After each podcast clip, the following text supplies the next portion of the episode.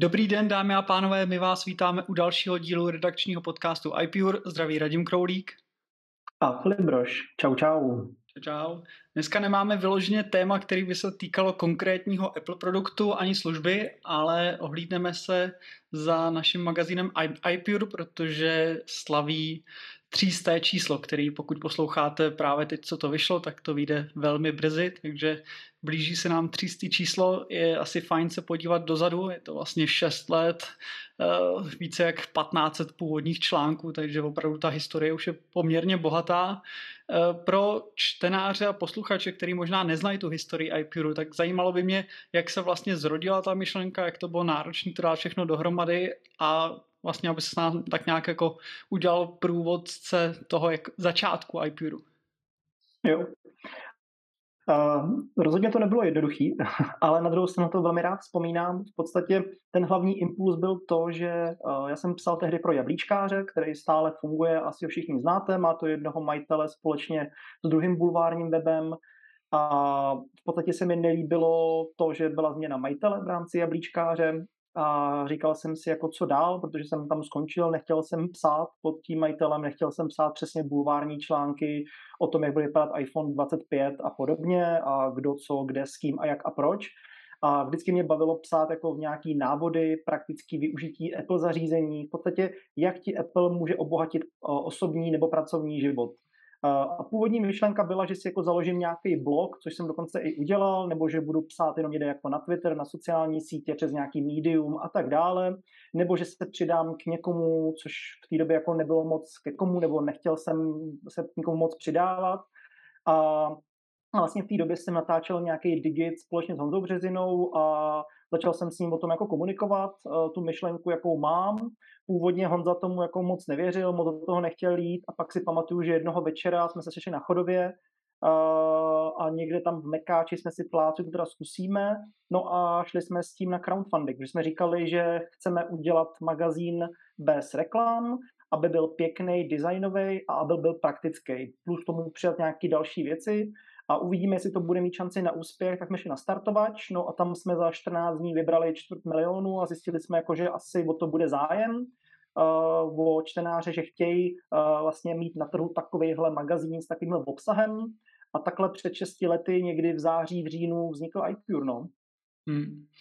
Eh, jak vlastně vznikal ten formát, to, že to bude vycházet každý týden? Řekl bych, že to možná není úplně možná tradiční, nebo je to poměrně ambiciozní opravdu týden co týden jako vydávat, tak jak tohle to vznikalo? Jo. Je to hodně ambiciozní. My jsme na začátku si koketovali s nějakým měsíčníkem, ale tady v tu dobu byl Super Apple, který teďka vlastně jaký už bohužel není. A tak jsme si říkali, jako přece nebudeme dělat měsíčník, protože měsíc nám přišel hrozně moc, že by to bylo už jako starý, že chceme nechceme psát úplně novinky, ale zároveň chceme být jako up to date, to znamená, když vyjde nový iPhone, tak ho chceme mít co nejdřív uh, vlastně recenzovaný a tak dále, tak jsme si říkali, že ten týdenník je nějakým způsobem dát dohromady.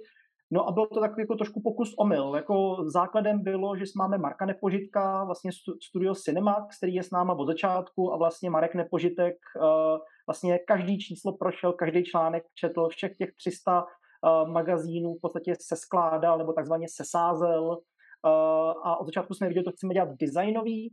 Pro mě vždycky byly jako vizitkou zahraniční magazíny eh, typu třeba papírových Wired nebo ještě víc herní magazíny některý. A říkal jsem si, to chci, jako aby to bylo designovaný, pěkný, aby se to dobře četlo, aby tam byly různé formáty, vlastní aplikace.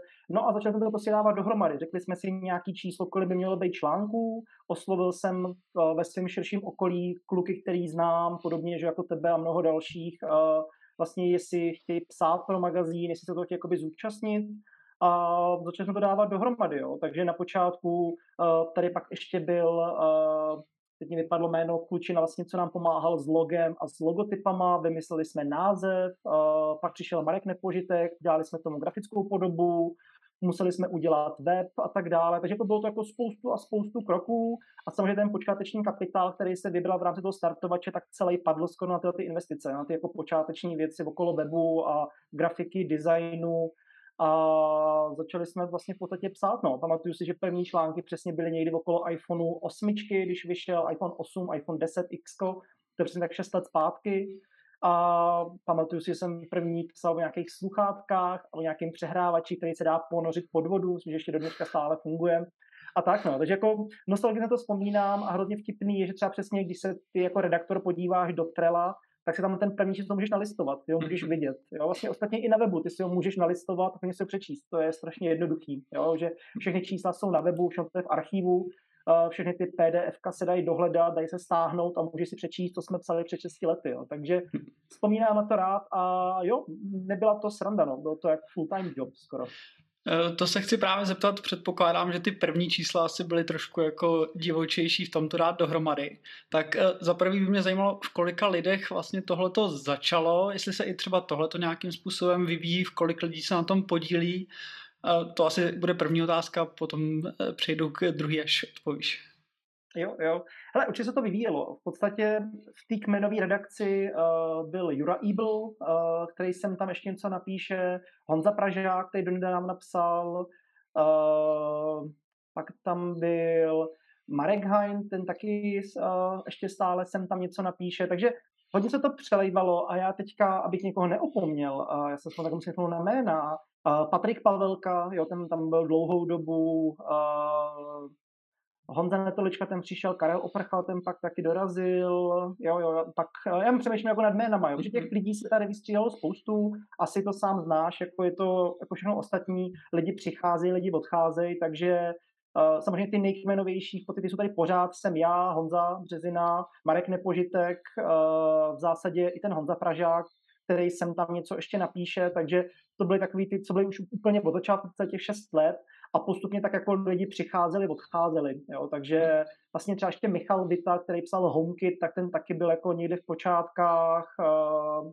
nebo David Podzimek, ten taky psal nějaký články a taky se nad tím jako myšlenkou fungoval. Jo. Takže to je takový jako směsice lidí, někteří byli jako kmenoví, někteří externí, někteří třeba napsali jenom jeden, dva články a pak už se po nich slehla zem a tak. Jo. Podle mě to je hodně, já nikdy jsem nikoho netlačil, do ničeho nenutil, tím, jak, jak ty lidi řídím, tak jako takovým jako hodně freestylovým způsobem, jako v rámci České republiky, že vždycky napíšu každý týden, kluci, máme nějaký témata, co kdo mohl napsat, a spíš je to o tom, že já spíš jako hledám s těma redaktorama téma, spíš se jich ptám, co dělají, co by je zajímalo, nebo jestli mají nějaký téma.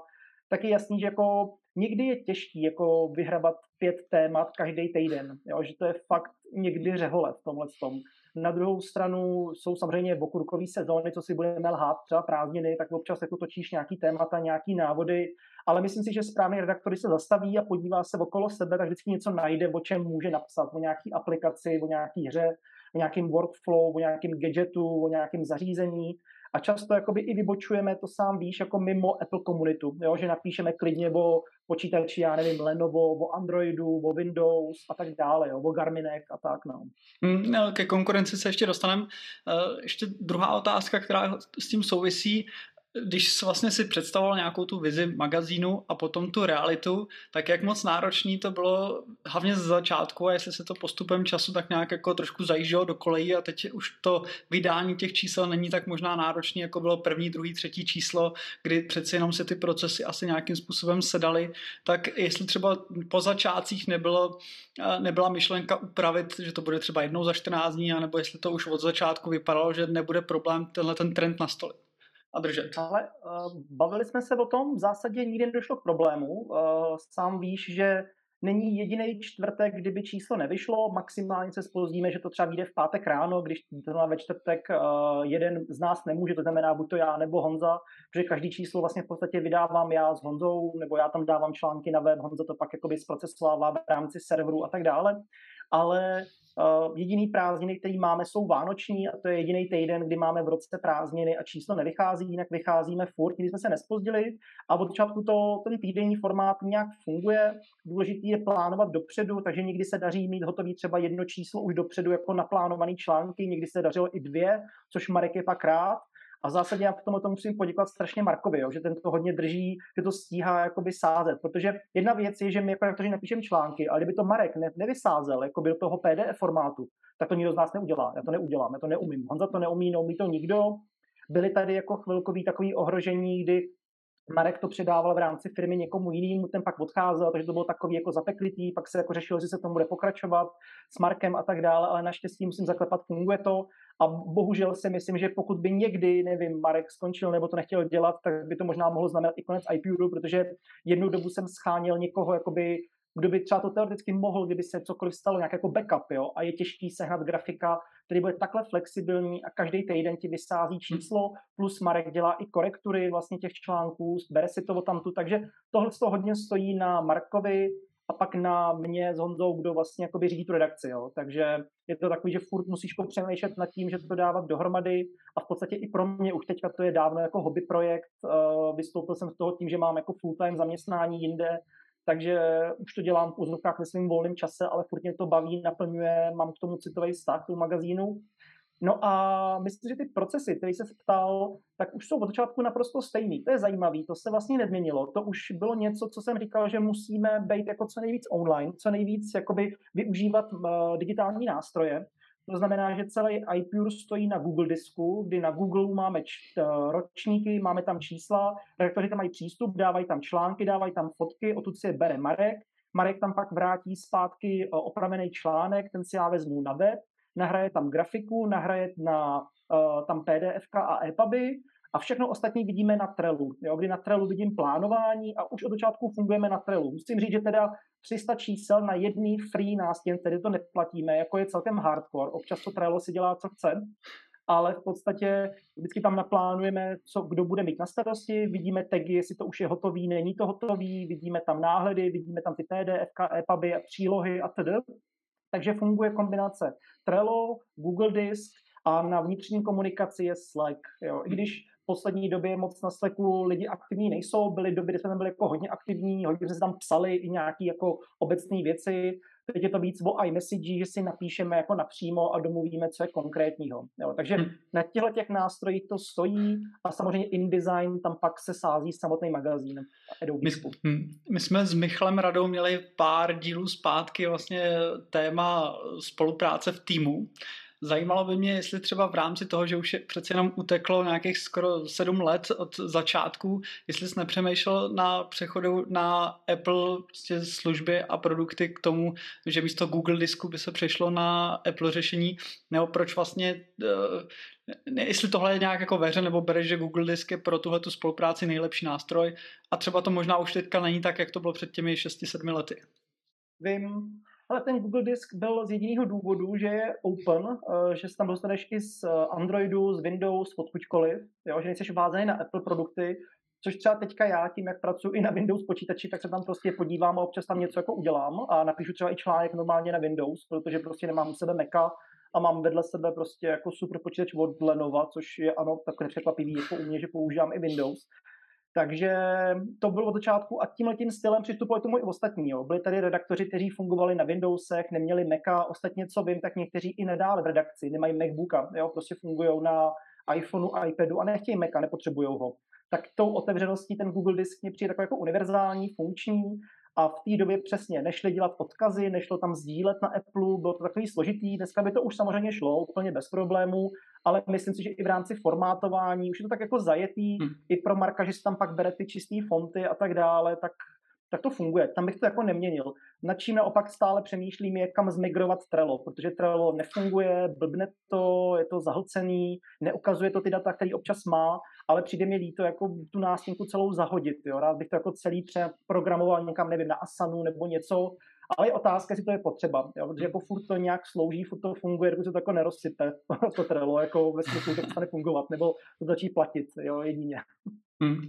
Vlastně iPure není jediný, kdo se zabývá Applem v Česku, tak eh, jaká vlastně byla odezva nebo jaká je vlastně komunikace takhle v rámci té Apple komunity, jak byl vlastně vnímaný příchod iPure do tohohle jako řekněme malého rybníku, co se týká českého sledování Apple produktů? Hmm. Ale myslím, že na začátku tady bylo hodně skepsem. Přesně si pamatuju slova uh, uh, Janečka, kterýho mám rád, jsme kamarádi, známe se že v rámci Super Apple magazínu, ale řekl, to dlouho nevydrží, to, to, to zahyne. Ten, ten nemůže fungovat magazín bez reklamy. To jako reagovali všichni. Bez inzerce vám to fungovat nebude. A byli tady tací, kteří to jako říkají, že to prostě, že to zahyne.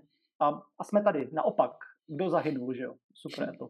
Jo, a nebo spoustu dalších jako jiných konkurenčních magazínů. Takže myslím si, že to se tak jako trošku přelejvá. Jsme jako furt český rybník, takže všichni se známe, všichni se máme rádi, až na pár vybraných médií, s kterými prostě nekomunikujeme, nespolupracujeme a nechceme, vy se jako letem světem, jablíčkář a další bulváry. Uh, jinak se jako všichni známe, víme o sobě, někdy se i podporujeme, to znamená, že vymyslíme nějaký společný akce, bylo tady spoustu společných akcí třeba právě s Appleištěm, uh, nebo třeba i uh, s Richardem z českého Meka a tak dále. Jo, takže jako v rámci té komunity se známe, uh, respektujeme se, ale samozřejmě na druhou stranu každý si bojuje, jak se si urvat to svoje a my to máme specifický tím, že vlastně jsme živení jenom od čtenářů. Jo? Vlastně 100% nás živí lidi, kteří nás předplácí, kupují a čtou případně knížky a nějaký další doprovodní akce. Není tam žádný stabilní partner, jsou tam občas nějaké jako spolupráce jako jednorázového charakteru, třeba na, na cesta snů a tak dále, jo, tak tam byli nějaký větší partneři, ale jako není tady nikdo stále, že by byl jako nějaký brand, nějaká reklama u iPure, my jsme furt 100% od lidí, nezávislí, takže o to to je těžší, takže uh, nebudu lhát, že jsou doby, kdy to je fajn, doby, kdy to jako bylo horší, je to takový jako někde jak na houpačce. A samozřejmě ten projekt často uh, se zvyšuje a klesá podle toho, kolik úsilí do toho dáme my. Jo? Hmm. Ale jako stabilně se furt pohybujeme v okolo 1000, 1500 předplatitelů. Jo? Jako furt tak jako tady ta báze se nějakým způsobem přelejvá, někdy to jako rychle nalítne, pak zase spadne, lidi si to neobnoví, pak zase si to obnoví, takže přijdou noví čtenáři, noví lidi, co čuchnou k Apple, tak nás objeví a je to takový jako, jak na houpačce, no. Ale v zásadě jako stále fungujeme, stále jsme tady, no. Hmm. Když se podívám za hranice Apple, tak dostáváš ať už ty jako osoba nebo do redakce nějaký eh, odpovědi, řekněme, fanoušků jiných značek, ať už nějaký vyloženě hejtři, nebo eh, jak moc dostáváš zpětnou vazbu nebo nějaký komentáře právě jako mimo komunitu Apple, jestli tam je nějaká jako otevřená válka, nebo jak moc často vlastně se s tímhle tím potkáváš? Ale otevřená válka asi ne, sem tam někdo napíše, uh že se mu to třeba nelíbí, že jsme moc ovečkoví, že jsme moc jako Apple, Apple pozitivní a, a já si myslím, že jsme o tom teďka bavili i s Honzou uh, v rámci jednoho videa vlastně podobného rázu, kdy jsme představovali iPure vlastně a co jsme udělali jako kus historie a říkali jsme si, že vlastně my vydáváme pozitivní zprávy, jo? že všechno, co u nás přečteš, je pozitivní, jo? že Myslím si, že zvlášť v této době je důležité číst hezký, pozitivní věci, ne nic špatného, Eh, ne co se ve světě děje a bulvár a tak dále. A v podstatě všechno, co si u nás přečteš, tak je fajn, tak tě to nějakým způsobem nabije, posune, inspiruje, něco ukáže novýho. Takže je to hodně pozitivní a ano, vždycky tady byly dva tábory lidí, kterým se tohoto nelíbí a jedou zase spíš k Androidu.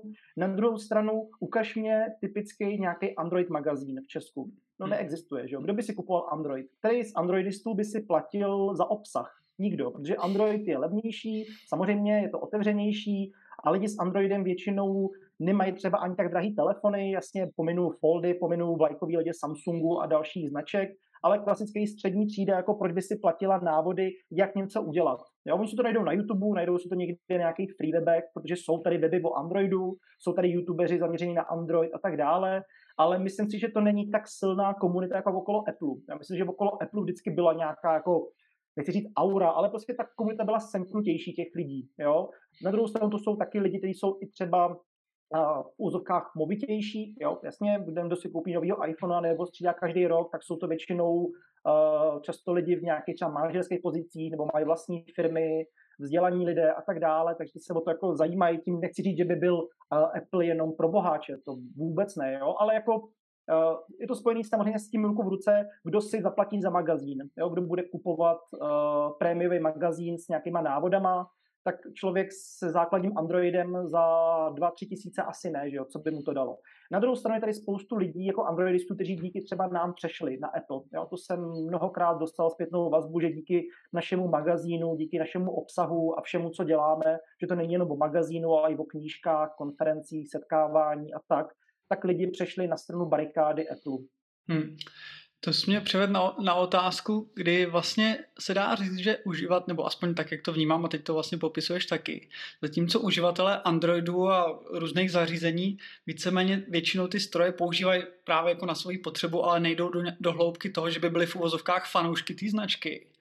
Či, a čím myslíš, že to vlastně je? Protože tam není žádný jako větší předpoklad, proč by Apple versus Samsung tam mělo být něco jiného.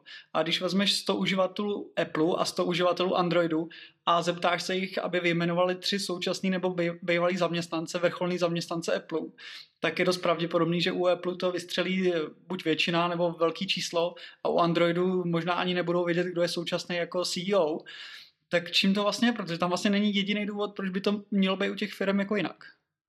Mm, podle mě to je trošku dáno tím, že Apple má jednotný systém, prostě máš zde jenom jedno iOS, Vem si, kolik nadstaveb máš na Android. Že? Čistý Android dělá Google, čistý Android najdeš na nějakých uh, vlajkových lodích, že na Pixelu, myslím si, že na Xiaomi ten už má nadstavbu, Samsung má nadstavbu. Prostě, že každý si koupí vlastně licence na Android a udělá si tam svůj vlastní operační systém. Když máš vedle sebe 10 Android telefonů, tak všechny budou se chovat malinko jinak. Oni budou stejný v jádru, ale každý bude úplně jinak fungovat a myslím si, že typický Android uživatel střední třídy on to vlastně vědět nepotřebuje. Jo? To je třeba typicky jako můj kamarád, který jsem teďka před chvilinkou viděl, ten má Androida, má nějakýho Nota a vlastně on, on, jako si, on s tím umí spokojeně fungovat. Jo? On se vezme tu tušku, něco se napíše do kalendáře, nějakou poznámku, koukne se na YouTube, mrkne se na film, odepíše si na zprávy, na e-maily a stačí mu to k životu. Jo? On to nepoužívá jako vrcholný zařízení, aby tím řídil firmu nebo něco, a on to z toho samozřejmě jde, jo, jako vem si Folda, jo, na tom jde dělat jako všechny věci, co na iPhoneu, jo, na všech jako vlajkových lodích. Ale třeba teďka dcera uh, dostala v rámci od jednoho operátora, babička dostala telefon, tak jsme to dali jako dceři, který je sedm let, že by mohla mít jako svůj první telefon, ona má iPad, tak říkám, OK, mám tady pro ní iPhone připravený, ale tak než jí ho dám, než ho rozmlátí někde o schody, tak jí dám toho Androida, ať to si to vyzkouší. A přesně na tom vidíš, že to zařízení se chová úplně jinak, je zpomalený, funguje tak jako pomalinku, odezva, je to fakt zařízení za jako doslova pár stovek, jo, dávají ho zadarmo. A a přesně si říkáš, jako sakra, jako uživatel tohohle telefonu za pár šupů, který jsem dostal zadarmo, tak tam chci vlastně jenom, aby to psalo, aby to telefonovalo, aby to dělalo e-mail, maximálně nějaký videa a tím to hasne. Já nepotřebuji na tom dělat nějaký workflow, nějaký workaroundy, já nevím co všechno. Takže vlastně ani jako se nepídím po těch názorech nebo se nepídím po těch informacích, pokud mě to vyloženě nezajímá nebo nebaví. Jo? A pak je samozřejmě o osobnosti každého z nás. Někoho to baví ty technologie a někoho vůbec. Nikomu to nic neříká. Jo? A radši jde ven nebo jde dělat něco jiného. Jo? Takže podle mě to je hrozně různý a jenom ta komunita toho Apple je hodně specifická. Jo? Je to prostě jako už jako od začátku to bylo něco, ano, v té době, kdy jsem já začínal, tak to bylo něco lepšího v úzovkách, ano, protože na Apple neměl každý, každý nemohl mít iPhone, a iPhone byl extrémně drahý, Mac byl extrémně drahý, nebylo tady tolik zařízení, tolik věcí, takže to prostě měla jenom hrstka lidí. Když si vezmu třeba Apple Watch první, tak jsme se na ulici potkávali a ukazovali jsme si, jo. Dneska za kasou v Lidlu, mluvám se, má prodavačka Apple Watchky, jo. Je to úplně v pohodě. Ale na začátku ty Apple Watchky prostě tady mělo fakt pár desítek lidí a když jsme se potkali, tak to bylo jako něco wow, jo. Spojovalo to ty lidi, jo. Teď už ta penetrace je tak obrovská, že už to nikoho nezajímá, takže, ale zároveň ta Apple komunita je furt taková semknutější. Když to Android je prostě Android a asi to není tak sexy, no. Jo, takže jako beru to jako obecně, ale myslím si, že asi rozumíš, kam tím mířím. Mm-hmm. Vlastně ty jsi zmínil, že v IPRu se občas vyskytnou i produkty, které vyloženě nejsou od Apple, jak ty obecně k tomuhle jako nahlížíš, plus jak možná nahlížíš ke konkurenci, někdo prostě vždycky bere, že cokoliv, co je, co je mimo Apple, tak prostě je potřeba zhejtit a je jenom jeden tábor, tak jak vlastně tuhle tu nějakou jako balans mezi tím pustit si něco do magazínu, ale zase to nepřehnat a zase nebyt moc přehnaně negativní vůči konkurenci, jak tohle to vnímáš?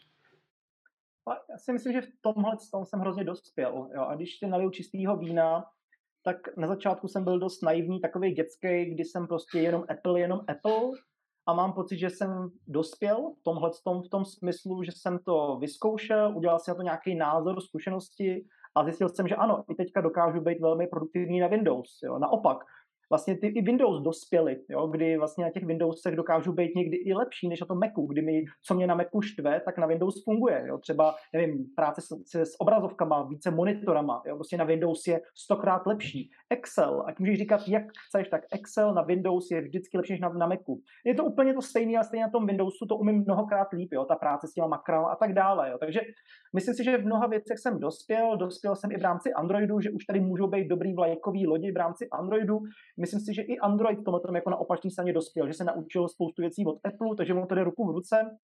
A samozřejmě naučilo mě to i spoustu lidí jako od vás, od redaktorů, jo, kdy redaktoři třeba přesně typu Marek Hein přeběhl na druhou stranu barikády, začal používat Android zařízení, kdy v jeden čas on nosí půlku Androidu, půlku Apple a v podstatě může to přinést jako nějaký svěží vítr, svěží dech, jako něco nového vyzkoušet. Třeba fold rozkládací se mi strašně líbí. Kdyby to udělal Apple, já bych ho chtěl, jo, protože to přesně nahradí ten iPad a je to něco mezi a mě to baví i ten form faktor toho hraní. Jo, je to něco, já jsem o tom teďka hodněkrát psal, je to něco nového. Prostě iPhone, který tady mám v ruce, tak vypadá už 8 let furt stejně, tam není nic nového, jako mě na tom zařízení jako vlastně nic nebaví, používám ho, mám ho rád, funguje a je to furt stejný. Ale než toho folda uděláš takhle, jako rozevřeš a wow, to je něco nového, jo, a teď si překlápíš, koukáš se, je tam něco nového.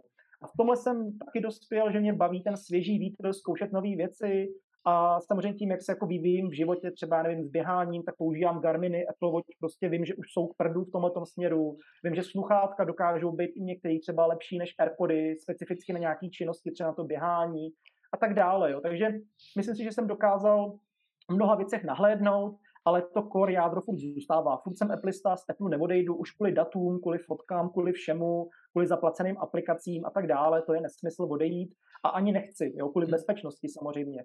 Ale na druhou stranu rád si občas pohraju s něčím jiným a když to dává smysl a když ty argumenty jsou na stole, tak to pouštím i do magazínu, i ode mě, od kolegů, takže o Windows, Android, o čemkoliv. Jo. Takže hmm.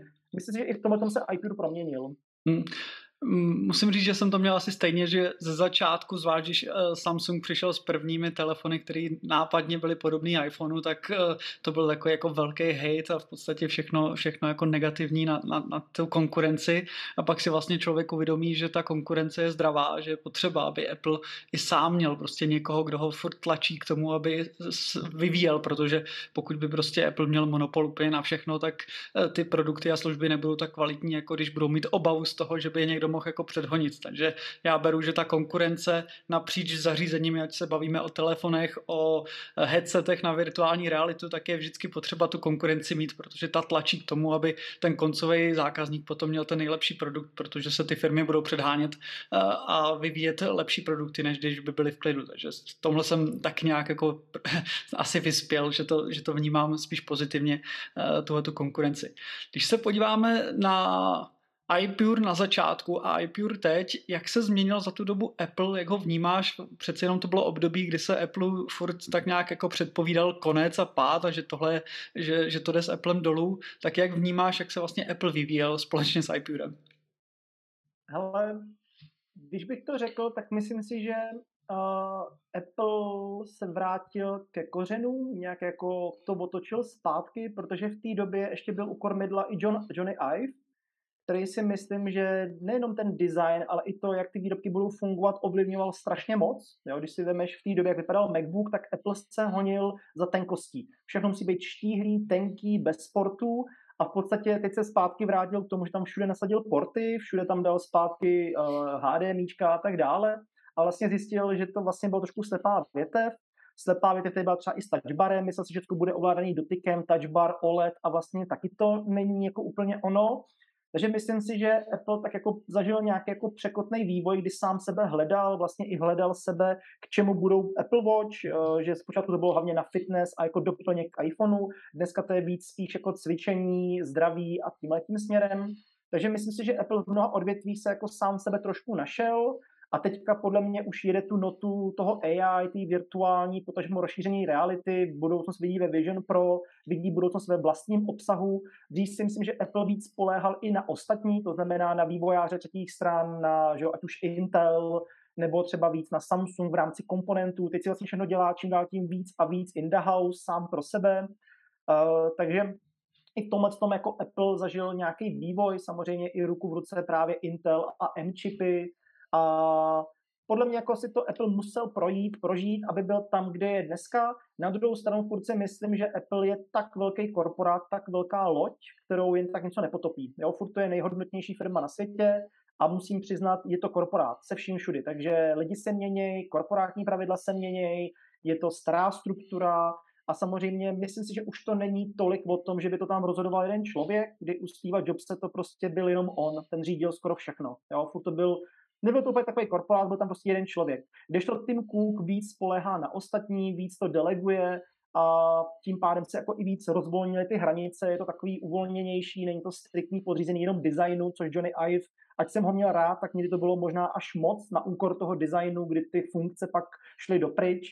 Takže podle mě Apple se trošku vrátil zpátky, začal to dělat maličko jinak, víc sám a směřuje ten vývoj do budoucnosti. Jo? A ukázalo to, že všechno potřebuje svůj čas, jo. Vem si třeba AirPody Max, jo. Jak dlouho trvalo, než začali lidi nosit AirPody Max, teď je taky mnohem víc výdáš. Na začátku jsme měli jenom my, jo, pár lidí. To samý AirPody, ikonický bílý sluchátka, jo. A z takové jinak jako spoustu dalších věcí, jako třeba Apple Watch, jo.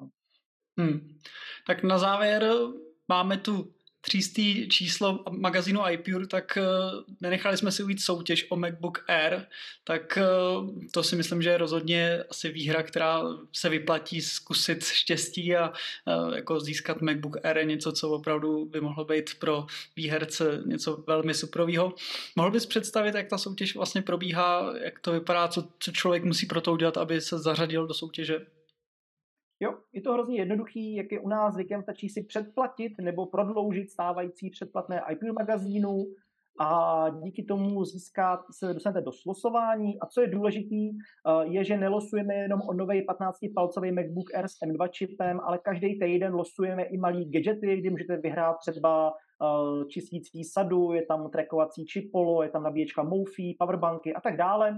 Vlastně kdy každý týden slosujeme jednoho člověka, takže čím dřív se zapojíte, tím víc těch malých slosování můžete eh, získat nebo se do nich zapojit. A na závěr v září vylosujeme jednoho člověka, který získá 15-palcový eh, MacBook Air s M2 čipem, Eh, který myslím si, že je naprosto dokonalý. Já mám stále 13, nebo stále mám, mám v podstatě 13 M2 era a, a ta 15 zase jako je perfektní, pokud chcete jako větší displej, třeba v kontrastu té 16. Takže je to hrozně jednoduché, stačí se jenom uh, předplatit stávající, nebo teda prodloužit stávající, nebo předplatit jako nový člověk. Odkazy naleznete určitě uh, pod tímto uh, podcastem, nebo samozřejmě na iPure.cz, bannery na sociálních sítích, a, a mít trošku toho štěstíčka, jako u všech našich soutěží. Super, já ti každopádně děkuji za to, že jsi nám trošku eh, vysvětlil počátky iPuru a budeme se těšit na dalších 300 čísel, což bychom se viděli vlastně za kolik, za 7 let, takže v roce 2030 se znova spojíme a budeme se podívat zpátky, jak to vypadalo v rámci sedmi let, takže ještě jednou díky a, a měj se, ahoj. Jo, taky díky moc radíme. Měj se hezky. Čau, čau.